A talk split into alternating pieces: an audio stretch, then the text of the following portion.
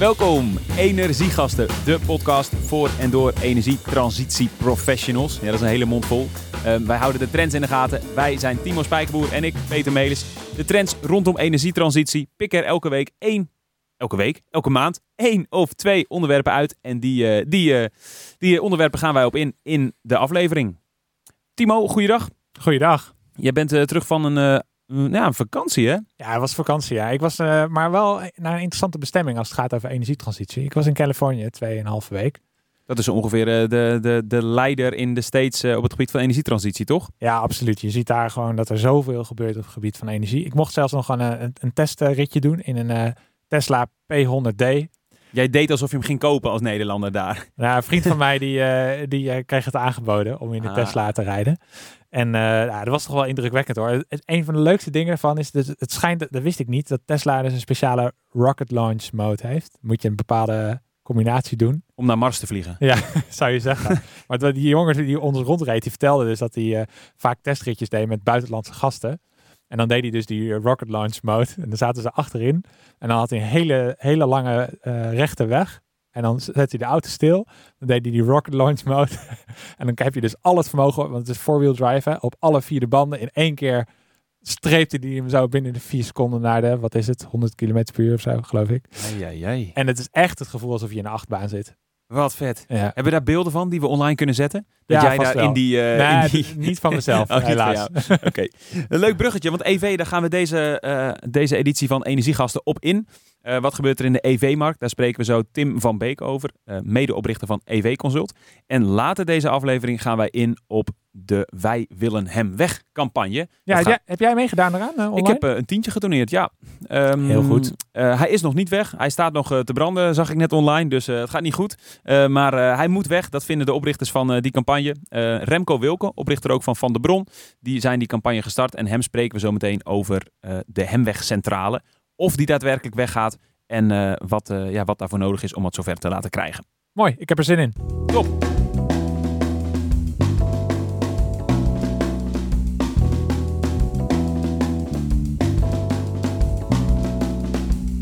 In deze aflevering van Energiegasten gaan we in op elektrisch vervoer.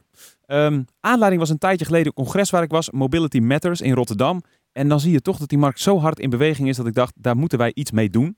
Ehm, ik heb een van de medeoprichters van EV Consult eh, gevonden en die is vandaag bij ons te gast. Goeiedag Tim van Beek. Goeiedag. Ehm, jij zit eh, al jarenlang in die, in die wereld van elektrisch vervoer. En we gaan eh, het met jou hebben over, ja, over hoe hard die wereld zich ontwikkelt, hoe hard die markt groeit. Hoe, hoe hard groeit die markt in Nederland voor elektrisch vervoer? Heel erg hard. Er zijn eh, de 100.000 voertuigen gepasseerd. En eh, eh, dat is gewoon een aanzienlijk deel al, als je dat vergelijkt internationaal, van ons wagenpark. En ja, dat gaat alleen maar meer worden de komende jaren. En ja, we hebben het doel gesteld 2020 de 200.000 te halen.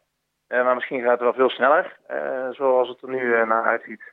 En bij, bij duurzame energie staat Nederland eh, traditioneel heel laag in de lijstjes en doen we het heel slecht ten opzichte van landen om ons heen. Hoe is dat bij elektrisch vervoer? Nou, bij elektrisch vervoer staan wij eh, op dit moment op nummer 2 eigenlijk internationaal. Ehm, dus Noorwegen doet het nog net iets beter dan wij. ehm, maar wij staan op een goede tweede plek.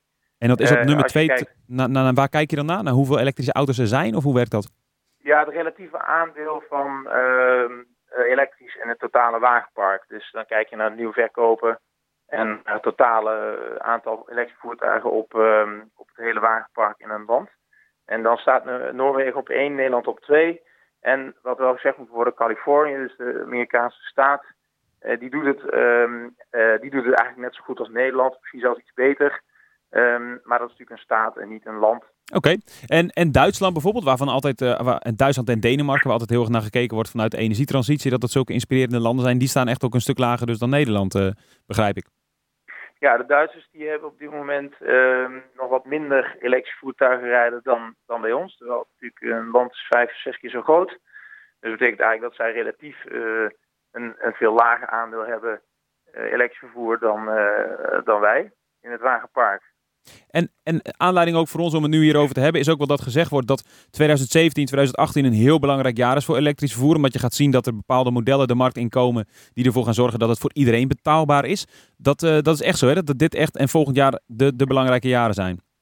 Ja, absoluut. En uh, we zien wel dat door de fiscaliteit, hè, de, de, de Nederlandse uh, ja, de, de, de, manier waarop wij het elektrisch vervoer stimuleren via onze belastingen um, is het natuurlijk zo dat, uh, dat dit jaar uh, weer wat veranderingen zijn doorgevoerd, waardoor het uh, nu op dit moment wat minder snel gaat dan de afgelopen jaren. maar wij verwachten eigenlijk door juist de komst van die nieuwe modellen, die ook 100% elektrische auto's bereikbaar maken voor het algemeen publiek, dat dat komend jaar weer heel erg gaat aantrekken. Um, een beetje vergelijkbaar explosief eigenlijk als dat de jaren voor dit jaar gebeurd is. Um, uh, we zitten dit jaar wat betreft een beetje in een uh, tussenjaar. En okay. uh, volgend jaar dan gaat het weer heel hard omhoog, verwacht hij. Ik moet, ik moet direct denken aan de Tesla Model 3, maar zijn er nog andere auto's voor het brede publiek die op de markt komen? Zeker, de, de, de Opel Ampera die is in zijn nieuwe, variant is beschikbaar. Um, die, is, die is heel betaalbaar eigenlijk en heeft een vrij grote range. En je ziet uh, eigenlijk over de hele breedte uh, allerlei nieuwe modellen ontstaan. De bekende automerken die het meest in onze markt uh, rondrijden, die komen allemaal met elektrische auto's. En voor een prijs die, die best wel oké is voor de leaserijder. Hè? Zometeen gaan we in het gesprek in op de overname van Engie uh, van EVBox, een partij in de laadinfrastructuur. Dat was onlangs groot in het nieuws. Um, voordat we dat doen, uh, kun jij Tim ons uitleggen welk type spelers je allemaal in die markt van elektrisch vervoer hebt zitten? Welke, welke indeling kun je daar maken? Nou, we hebben natuurlijk bij elektrisch vervoer te maken met auto's, hè, dus voertuigen en, uh, en infrastructuur. infrastructuur is vrij, ja, dat is natuurlijk vrij uniek voor die elektrisch vervoermarkt.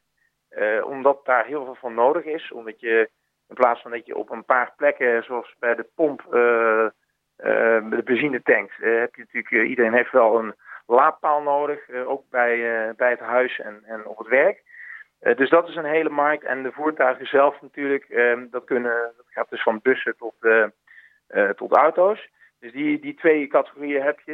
En daarnaast heb je in die markt ook nog iets wat je een soort um, ja, verbindende factor zou kunnen noemen. Dat zijn eigenlijk bedrijven die zich specialiseren in het koppelen van de infrastructuur met de auto's en de energiemarkt. Um, nou, dat gaat vaak over uh, IT-oplossingen, uh, allerlei uh, vormen van dienstverlening om je auto te koppelen met je zonnepanelen bijvoorbeeld. dat kan op bedrijfsniveau bij de mensen thuis. Um, en dat, dat zou je als een derde categorie kunnen zien. Een soort ja, aggregator rol. Dus een partij die ja, die dienstverlening aanbiedt om, om zaken aan elkaar te koppelen. En, en, en, hoe merkt de consument die, die aggregator, even om het wat tastbaarder te maken? Nou, je kan je voorstellen dat je in de toekomst uh, bijvoorbeeld met je auto als batterij, dus als, als opslagcapaciteit, ook op allerlei plekken terug kan leveren. Dus niet alleen thuis, maar ook in de wijk, waar je misschien wel naar je, naar je werk rijdt of wat dan ook. Um, en uh, dat betekent ook dat je eigenlijk dat allemaal moet kunnen registreren en afhandelen. Als je ergens anders uh, dan bij jou thuis uh, energie teruglevert in, in het net of aan, ja, aan, aan de, de, degene die de energie lokaal verbruikt, dan moet je dat ook allemaal kunnen, kunnen regelen in de toekomst. En daar zijn natuurlijk ook weer partijen voor die dat. Oké, okay, en dat zijn die aggregators. Doen. Ja. Exact, ja. Okay. In die voertuigenhoek, Tim, uh, een van de bedrijven die je kent is VDL, een grote busproducent. Zijn er nog andere Nederlandse partijen die in die hoek van de voertuigen heel actief zijn en die daar een, een, in de komende jaren internationaal ook veel kunnen uitbreiden? Ja, wat je dus ziet is dat naast die inframarkt uh, heb je inderdaad voertuigenmarkt. In Nederland is, is de busfabrikant VDL is een hele bekende. wat je ook ziet is dat heel veel Nederlandse bedrijven in de toekomstige industrie zitten. naar bijvoorbeeld Duitse en Franse autobouwers. Uh, met name in, in Brabant en uh, ook wel in Gelderland dan zie je dat daar heel veel um, onderdelen worden gemaakt. Bijvoorbeeld um, aandrijflijnen van de auto's. En dat zijn onderdelen die specifiek zijn voor elektrische voertuigen? Ja, klopt. Ja, okay. Dus een, een, een elektrische aandrijflijn is wel iets waar je, waar je laat ik zeggen, verstand van moet hebben. En er zijn heel veel bedrijven in Nederland die dat heel goed kunnen. Dus zowel aan de infrakant als in de voertuigenkant zijn wij vrij sterk vertegenwoordigd internationaal. ook omdat wij een vrij hard groeiende markt hebben. Dus veel volumes kunnen ook al kunnen draaien al. En dat is internationaal ja, ervaring die vrij, vrij uniek is. En die ook wel wordt gezien in het buitenland. Laten we naar het nieuws gaan van uh, NGN EVBox. EVBox is een partij in de laadinfrastructuur. Um, een van de grootste bedrijven uh, op dat gebied wereldwijd. Zo niet het grootste bedrijf. Zij zijn overgenomen door energiereus Engie. Um, Tim, toen jij dat nieuws hoorde, kwam dat uit de lucht vallen? Of was het voor jou heel logisch dat zoiets gebeurt? Nou, ik denk dat, dat onze markt uh, eigenlijk misschien wel vroegtijdig al een soort ontwikkeling doormaakt. Waarbij inderdaad grote bedrijven de wat kleinere innovatieve bedrijven op, uh, opkopen. Je ziet dat op wel meer plekken. Uh, de vraag is of dat, al, uh, ja, of dat al het moment is om dat te doen. Maar het kunnen heel goed strategische aankopen zijn waarmee de grotere bedrijven ook in, in de keten eigenlijk actiever willen worden of eigen producten willen kunnen aanbieden. En in, in die lijn is het, is het helemaal geen onlogische keuze voor, voor Engie. En even om het te begrijpen, is het dan dat Engie eh, graag toegang wil hebben tot de consument, toegang wil hebben tot de hardware die er wordt ontwikkeld, of toegang wil hebben tot de flexibiliteit die geboden kan worden? Het zijn allemaal verschillende beweegredenen waarom je dat zou kunnen doen, denk ik. Zou je daar iets meer over kunnen zeggen? Ja, kijk, Engie is natuurlijk een heel breed uh, bedrijf. Hè. Het is een gigantisch bedrijf, een van de grootste bedrijven ter wereld. Uh, actief in, in, in, in Nederland zie je veel in de installatiebranche natuurlijk. Maar ook allerlei andere energieoplossingen eh, dus het is inderdaad zo dat zij ehm, zeg maar zowel geïnteresseerd zijn in het uh, leveren van een product in hun traditionele installatiebranche, om maar zo te zeggen. Als ook dat zij dus uh, laadinfrastructuur kunnen gebruiken als een soort nieuw trefpunt tussen energie. Hè, de, de, de markt waar ze ook traditioneel heel sterk in zijn.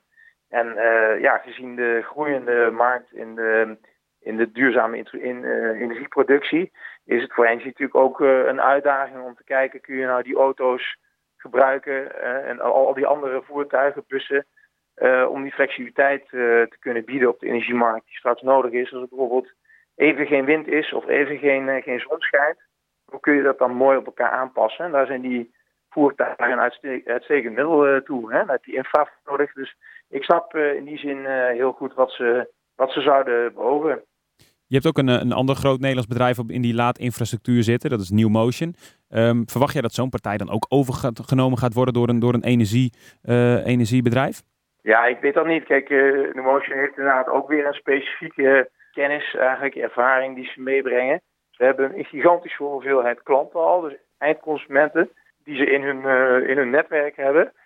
En dat vertegenwoordigt natuurlijk ook een waarde om dezelfde reden als die ik net aangaf. Hè? Dat je daar dus toch ja, toegang hebt tot, tot, tot eindgebruikers en daar ook proposities, nieuwe proposities voor kunt verzinnen, uh, kan uittesten. En uh, ja, dat is in de toekomst natuurlijk interessant, maar als je daar nu al zoveel klanten in hebt, dat is echt uniek in de wereld, dan heb je toch een voorsprong. En uh, ja, daar zullen bedrijven ongetwijfeld geïnteresseerd in zijn. Ik weet niet in hoeverre dat ze daar nu al een actie op willen ondernemen. Ik kan me voorstellen dat als het gaat om zo'n partij die zijn waarde voornamelijk haalt uit het aantal consumenten wat bij hun is aangesloten. Dat is echt, dan trek ik even de parallel naar bijvoorbeeld uh, app stores, waar het eigenlijk ook om gaat. Uh, hoe meer consumenten je hebt, hoe meer uh, waarde je vertegenwoordigt. Dus echt, echt plat, waarde uit je platform haal je uit het aantal gebruikers wat erin zit. En dan vind ik het wel mooi om te horen dat een uitgerekende Nederlandse partij, die er over het algemeen met zo'n kleine thuismarkt toch niet de beste uitgangspositie hebben om daar de beste van, de, van in de wereld te worden. Omdat uiteindelijk waarschijnlijk wereldwijd een soort consolidatieslag zal gaan plaatsvinden. Als ik de stelling inneem, dus zeg er komt uiteindelijk een wereldwijd uh, nummer 1 en 2, uh, eh, twee partijen die gewoon het platform hebben voor, voor, voor de, waar de consument toegang krijgt tot laadinfrastructuur. Ben je dat dan met me eens? Of denk je eigenlijk dat dat in deze markt anders zal gaan? Dat het toch wat meer geografisch afgebakend zal worden? Ja, dat denk ik wel, dat laatste. En het, het gaat ook over, kijk, je hebt wel markten waar je het mee kan uh, vergelijken. Ik denk uh, de, de telecomindustrie of uh, ook de bankaire sector, hè, er is ook nog wel echt ruimte voor kleinere lokale spelers of regionale spelers in de wereld. En ik ga ervan uit dat we een beetje die richting opgaan. En ik zie ook nog niet dat daar echt, zeker niet in de komende jaren, nu al conglomeraten ontstaan die die, die uiteindelijk twee, drie, uh, met z'n twee of drie uh, die hele markt verdelen. Zover zijn we nog lang niet. En volgens mij is het ook goed, want dit is een hele nieuwe markt. En je moet ook vooral uh, vanuit beide hoeken, uit energie en mobiliteit, uh, moet je vooral uh, innovatie aanwakkeren. En dan helpt het niet als je maar een paar spelers hebben die nu al de markt aan het opdelen zijn. Ja. En dat gaat denk ik ook niet gebeuren, want er is veel te, ruim, veel te veel ruimte voor en veel te veel creat mogelijkheid, creativiteit. En zeg je daarmee eigenlijk dat er ook voldoende ruimte nu op dit moment nog is voor nieuwe spelers die die, die markt op willen? Absoluut, ja, absoluut. En dat zie je ook gebeuren. Hè? Dus zowel in Nederland als in het buitenland uh, zijn continu uh, start-ups uh, bezig om zich in deze markten te krijgen. En um, ja, dat gaat eigenlijk wisselen natuurlijk. En net als bij elke start-up. De meeste die, die vallen op een gegeven moment weer om. maar heel veel die zijn ook best wel succesvol. En worden ook niet altijd meteen maar over, overgenomen. Soms dan kunnen ze ook vanuit hun eigen basis doorgroeien. Um, en ik denk dat nu Motion daar een heel goed voorbeeld voor is. Hè. Ooit, ooit opgericht als, als Nederlandse start-up. Uh, lokaal uh, zeer actief en nu in een heel aantal landen eigenlijk hetzelfde aan het uitrollen met vrij veel succes. Dus ik denk dat dat, um, dat, dat iets is wat, wat, waar nog heel veel ruimte voor is, ook in de nabije toekomst. En we zullen ook wel zien dat Nederland zal worden benaderd door buitenlandse partijen die, ja, die ook weer een een, een, een, aandeel bij ons weer willen winnen. Hè? Dus dat is volgens mij alleen maar goed. Je krijgt ook internationaal meer concurrentie. Um, en ik denk dat dat heel interessant is. Ja, daar, daar nog een voorbeeldje van. Ik zie, ik zie hier een nieuwsbericht ook, dat was begin maart als ik het goed heb, dat ChargePoint, een grote speler, een Amerikaanse speler in die markt, dat die ook naar Europa komt. Dus je ziet al dat daar ook veel beweging is vanuit het buitenland richting Europa, of vanuit Amerika in dit geval ja, wat dat betreft een super interessante markt. Want het is echt allemaal nog heel erg aan het begin van de ontwikkeling. En uh, ja, er is nog van alles mogelijk. En dat zie je overal gebeuren. En dat is, daar kunnen wij ook als Nederland echt een mooie proeftuin in zijn. Om even eh, als laatste vraag op die proeftuin nog in te gaan. Uh, kun jij twee of drie Nederlandse spelers noemen? Bijvoorbeeld aan die aggregator, aggregator kant of meer in de, in de, in de hoek van de, de laadinfrastructuur. Waarvan jij zegt, dat zijn nu nog hele kleine partijen. Zoals een uh, New Motion zeg maar jaren geleden en een EV-box ook. Die nu aan het begin staan. Maar waarvan jij zegt, nou, als we elkaar over vijf jaar weer spreken in energiegasten. Dan is dat echt een grote club. Ik, ik denk dat wat een hele leuke club is, is Jetlix. Dat is een bedrijf wat door Eneco is opgezet. Um, eigenlijk een van de eerste in zijn soort bedrijf waar je via een appje eigenlijk door um, uh, je auto even uit te laden uit te stellen eigenlijk. Dus je zegt van nou ik hoef niet uh, bij, direct bij thuiskomst uh, op te laden. Maar ik begin pas om 7, 8 uur s'avonds met opladen. dat heeft natuurlijk te maken met het feit dat het, dat het net dan optimaal belast is en ook de stroomprijs vrij hoog is. Um, nou, daar kun je dan geld mee verdienen. Hè? Dus je zet je eigenlijk je appje je zet je auto in om, uh, om uh, bijvoorbeeld een euro op je energierekening voor je auto terug te verdienen. Het feit dat dat in Nederland nu als een van de eerste echt werkend in de markt wordt gezet, dat is voor consumenten dat is, dat is best wel uniek. Ja, en, Jetlix is trouwens met J-E-D-L-I-X, mocht je het op willen zoeken. Welke, welke partijen zou je nog meer eruit willen lichten? Nou, een interessant bedrijf is Last Mass Solutions uh, uit Rotterdam. Een bedrijf dat uh, uh, zeg maar de softwareoplossingen biedt om slim laden mogelijk te maken. Dus stel je hebt een, een, een wagenpark bij je bedrijf en, en je hebt ook eigen opwek door middel van zonnepanelen bijvoorbeeld. dan leveren ze eigenlijk de software om dat allemaal aan elkaar te koppelen. En om ook zeg maar te zorgen dat bijvoorbeeld als auto A uh, binnenkort uh, weer weg moet, dat die snel even wordt opgeladen. En auto B uh, even wat langzamer mag laden of pas s'avonds. Het zijn twee leuke verschillende voorbeelden, want het geeft ook die diversiteit goed aan. Want de een is echt op de consument gericht, die met een appje kan zeggen: ik, ik hoef mijn auto niet per se om 7 uur op te laden als ik thuis ben. En die ander gaat veel meer over wagenparkbeheer en hoe je dat doet in combinatie met andere opwek van, van energie die je zelf op locatie hebt. Ik heb nog een andere vraag. Wat is voor jou nou nog een grote onzekerheid voor de toekomst? Wat is nou een vraag waarvan je zegt, ja, ik heb, dat is eigenlijk het punt. Ook al weet je nu alle, jij weet heel veel over deze markt. Maar een ding waarvan je misschien nog onzeker over bent. Van je denkt, ja, ik weet niet precies hoe dat aspect van de EV-markt zich de komende tijd gaat ontwikkelen. Ja, de, de grootste uitdaging volgens mij is toch om uh, met elkaar ook een werkend systeem te verzinnen in Nederland en Europa. Het zijn gewoon twee werelden die elkaar niet kennen. Hè? Dus je hebt zeg maar auto, de autowereld, de autofabrikanten. Uh, dat, is een, dat is een wereld op zich. En je hebt de energiewereld. Dat is ook een wereld op zich. En hoe kunnen die elkaar nou vinden? Tim van Beek, medeoprichter van EV Consult, dank voor je toelichting. En wij houden de EV-markt in de gaten de komende tijd. Heel graag gedaan.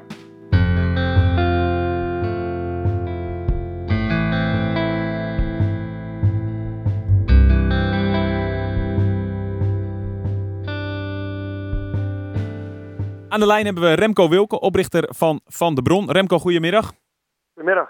Um, jij bent naast de oprichter van Van de Bron ook een van de initiatiefnemers van uh, Wij willen hem weg. Gaan we zo meteen uitgebreid op in. Maar voordat we dat gaan doen, doe jij mee aan onze, aan onze ja, superspannende spel Quote of Quatsch. Oké. Betekent het volgende. Wij hebben het nieuws afgelopen maand uh, in de gaten gehouden. En we hebben drie quotes verzameld. Die drie quotes geef ik een aantal opties van wie dat gezegd zou kunnen hebben. En jij strijdt tegen Timo uh, ja, om de punten en om wie het dus goed heeft, uh, wie wat gezegd heeft. Drie quotes heb ik voor jullie. Oké. Eerste quote is de volgende. Dat is een antwoord op de vraag of je je zorgen maakt over klimaatverandering. Maar de tijden veranderen. Over 10 jaar, 20 jaar zijn die gletsjers weer groot. Wie heeft dat antwoord gegeven? Is dat A. Marjan van Loon, president-directeur Shell Nederland? B. Tim Cook, CEO van Apple? Of C. Harry Mensch bij BNR? Timo, wat zeg jij?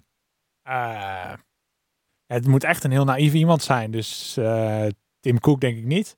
Oké. En die andere twee waren? A. Marian van Loon van Shell of C. Harry Mensch? Ja, dan uh, ga ik denk ik toch voor Harry Mensch. Harry Mensch. Oké, en uh, Remco, wat zeg jij? Ja, zeker Harry Mens. Harry Mens. Ja, is helemaal goed. Allebei een punt. Heel goed. Uh, hij zei dat inderdaad. Bijzondere uitspraak. Uh, tweede uitspraak is dat klimaatkonijn komt straks uit de hoge hoed. Die kun je bijna niet gemist hebben. Toch even checken of jullie hem gemist hebben of niet. A. Zei Victor Midstad in zijn programma Mindfuck tegen premier Mark Rutte. B. Midas Dekkers naar aanleiding van zijn studie over verandering van gedrag van de konijnenpopulatie op Texel. Of C. Ed Nijpels in een interview met de NOS over de formatie en de beperkte aandacht die daar is voor het klimaat. Remco, wat zeg jij? Ed Nijpels. Ed Nijpels. Timo? Ja, nee, dat weet ik ook inderdaad. Ed Nijpels. Allebei weer een punt 2-2. We gaan het, het zou zomaar eens drie. Dit is de eerste keer dat iedereen dan echt alle punten heeft. We gaan naar de derde quote. Dat is: Zeewier kan een grote bijdrage leveren aan CO2-reductie. Zij A, een woordvoerder van een gasunidad naar aanleiding van een onderzoek door DNVGL over de potentie van zeewier voor energieproductie. B, Willem Sotterland, CEO van Seymour. Dat is een bedrijf dat uh, toevallig aan de Nieuwe Hemweg zit in Amsterdam. En zij maken voeding uit zeewier. Of C. Midas Dekkers naar aanleiding van zijn studie over zeewierproductie rondom Texel. Timo, jij mag eerst. Nou, ik vind het nu toch wel verleidelijk te worden om, een keer voor Midas te kiezen. Oké, okay, jij gaat voor C. Remco, wat zeg jij? Ik kies voor nummer 1. Nummer 1 A is dat gasunie. Klopt helemaal. Je zit goed op het nieuws, Remco. Alle drie goed. Drie punten voor jou. Je wint quote of kwartje. Gefeliciteerd. yes. Thanks. We gaan, naar, uh, we gaan naar de Hemweg-campagne. Als je de afgelopen tijd het nieuws hebt gevolgd, dan kan je dat bijna niet gemist hebben. Uh, wij willen hem weg. Uh, Remco, um, Remco Wilke, jij bent oprichter van Van de Bron, maar jullie hebben ook dat initiatief gestart. Wat was de aanleiding voor jullie om Wij willen hem weg te starten? Nou, eigenlijk een artikel wat we aan het einde van het vorig jaar lazen, waarin Nuon aankondigt dat zij de centrale wel graag zouden willen sluiten, mits ze vergoeding krijgen voor, de, nou, voor het sociale plan uh, en voor de ontmantelingskosten van de overheid. En als dat niet zou gebeuren, dat ze dan de centrale zouden verkopen. En toen dachten wij, nou, dat is heel goed nieuws eigenlijk. En nu zal er iets gaan gebeuren. Maar er gebeurde eigenlijk helemaal niets. nou, de verkiezingen kwamen, de formatie kwam eraan. En ja, dat, dat dreigde eigenlijk een beetje op niets uit te lopen. En dachten wij van, dan doen wij wel een bod op centrale als die maar niet verkocht wordt aan een andere partij die, uh, die hem gaat doorexporteren. Dus, uh, Jullie willen van de kolencentrale af. Van de Hemwegcentrale is een kolencentrale in Amsterdam. Aan de Hemweg. Um, en nu lijkt het uh, alsnog een beetje door te modderen en blijft die toch, lijkt die toch open te blijven. Toen zeiden jullie, dat kan zo niet langer. Wij willen van die centrale in Amsterdam af. Wij doen een bod van 1 miljoen euro. Zo is het begonnen, hè? Zo is het begonnen, ja. En wat is er toen gebeurd? Want er zijn best wel wat partijen meteen bij ingestapt. Ja, er kwamen een aantal partijen bij sowieso ontzettend veel uh, reacties uh, gekregen. Maar de gemeente Amsterdam, uh, althans wethouder Choho, die heeft toen de volgende dag ook ja, een miljoen er, eraan toegevoegd. Triodos Bank, Stichting Doen, Greenpeace. nou, er kwamen zoveel partijen eigenlijk bij. En ook partijen als Tony Chocolonely die het ontzettend gaaf actie vonden. En ook daar een bijdrage aan willen leveren als dat mogelijk is. Dus het heeft enorm veel tractie gekregen. Heel veel mensen hebben gereageerd. Maar ergens zit er ook nog een heel groot gat hè, tussen wat we nu ons echt nodig te hebben en wat nu het, uh, het bot is. Dus ik kan me ook voorstellen dat, het, dat het eerder wordt gezien als een symbolische actie. Hoe kijk je daar zelf tegenaan? Ja, Nuon uh, zegt dat het sociale plan 40 miljoen kost en de ontmanteling 15 miljoen. Dus ze komen in het totaal op 55 miljoen wat ze van de overheid verwachten. Mm -hmm. Jullie hebben nu dik 5 miljoen hè, voor de duidelijkheid. We hebben dik 5 miljoen beschikbaar. Nou, wij zeggen we willen de centrale uh, overnemen, de grond en de centrale overnemen. Dat betekent dat ook de ontmanteling van die centrale dus dan niet meer voor rekening komt van uh, Nuon, maar voor rekening van het uh, consortium of het collectief. Oké, okay, dus dat scheelt alweer die 15 miljoen, toch? Dat scheelt 15 miljoen. Dus in feite zou je ons bod ook als 20 miljoen kunnen zien ten opzichte van die 55. Mm -hmm. Een ander punt is dat het is natuurlijk ontzettend belangrijk dat er een goed sociaal plan komt voor al die medewerkers. Daar is ook helemaal geen discussie over. De vraag is alleen, uh, is dat nou daadwerkelijk 40 miljoen? Er zijn uh, een aantal experts die uh, in het verleden zelf betrokken zijn geweest bij de sluiting van een aantal kolencentrales in Nederland. En die dus ook te maken hebben gekregen met die kosten voor sociale plannen. En die zeggen nee, dat is een veel te hoog getal. dat kan ook voor een lager bedrag. Waar moeten we dan aan denken?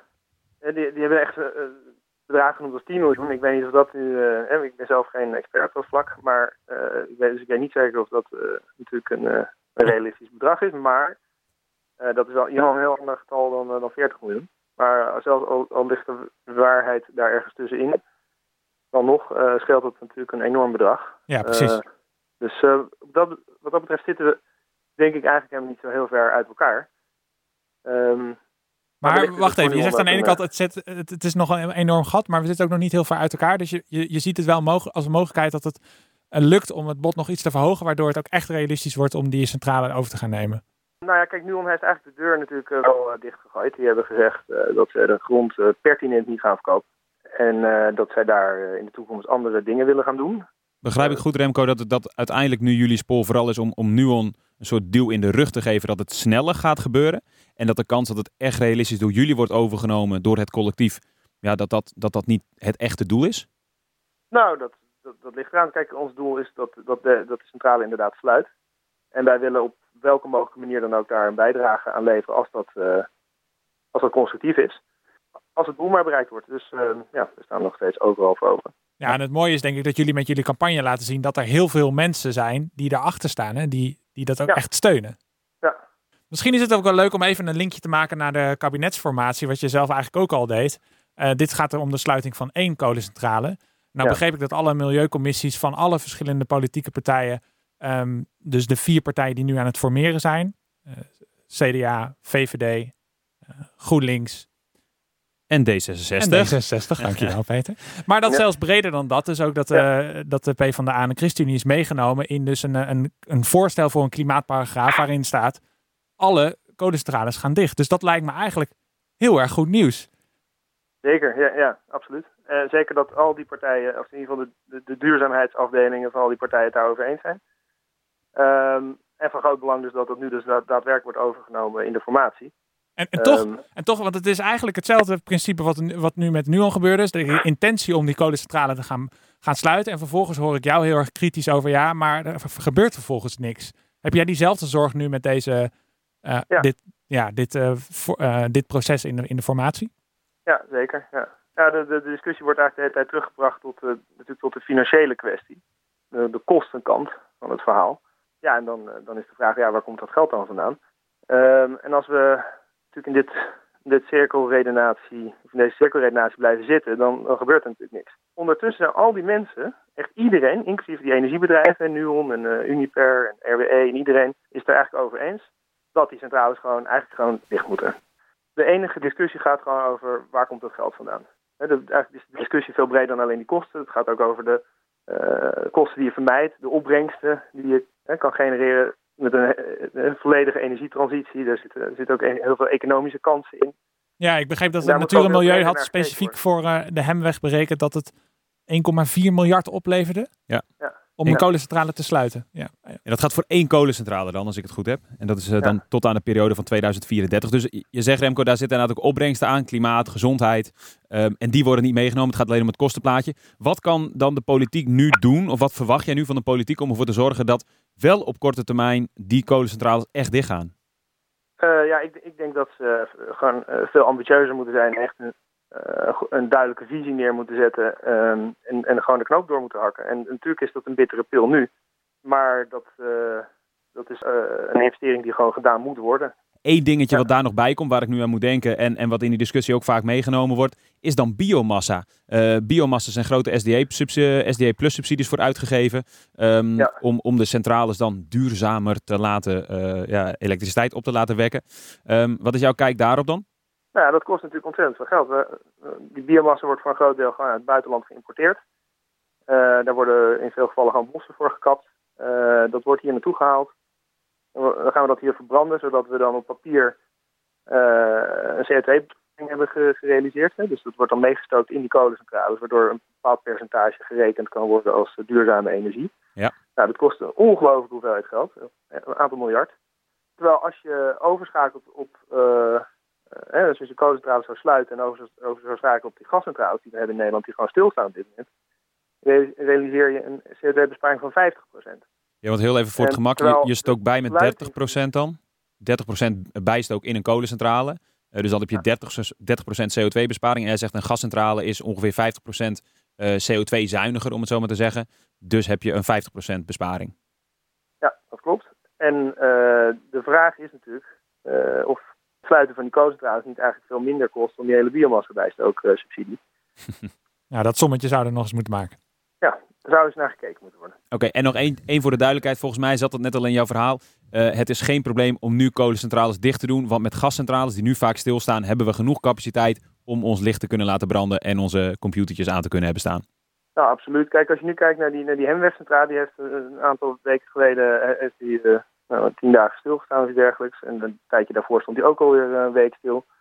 Die, die, die kolencentrales staan af en toe gewoon stil en dan is er niks aan de hand. De, de, we kunnen in Nederland gewoon uh, dat vermogen op een andere manier opwekken. En ondertussen draaien die dingen wel gewoon door. En wordt er een ongelooflijke hoeveelheid CO2 uitgestoten, terwijl ze er ook geen winst meer op maken.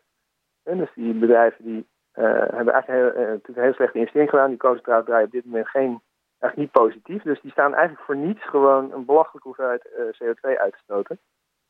Er is geen enkele reden waarom we daarmee door zouden moeten gaan.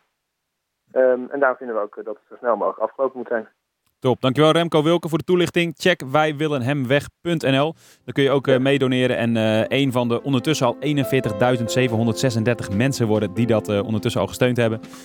en laten we hopen dat de formatie jouw signaal oppakt en snel die kolencentrales dicht gaat gooien. Absoluut.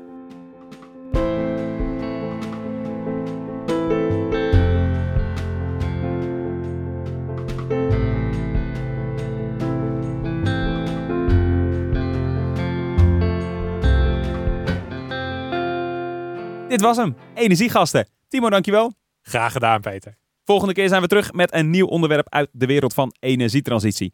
Thanks voor het luisteren. Deel dit vooral met collega's, vrienden of andere bekenden als jij het tof vindt. En uh, blijf ons volgen. Ja, en je kan natuurlijk zo'n uh, app downloaden, zo'n podcast-app. Ja. Welke gebruik jij? Uh, podcast Addict voor Android. Maar jij hebt iPhone, toch? Ik heb iPhone. Dan ga je gewoon naar je podcast. Ja, dat is zo'n paars symbooltje. Ga gewoon naar je podcast-app zoek je op energiegasten en dan vind je ons. Super simpel. Tot de volgende keer.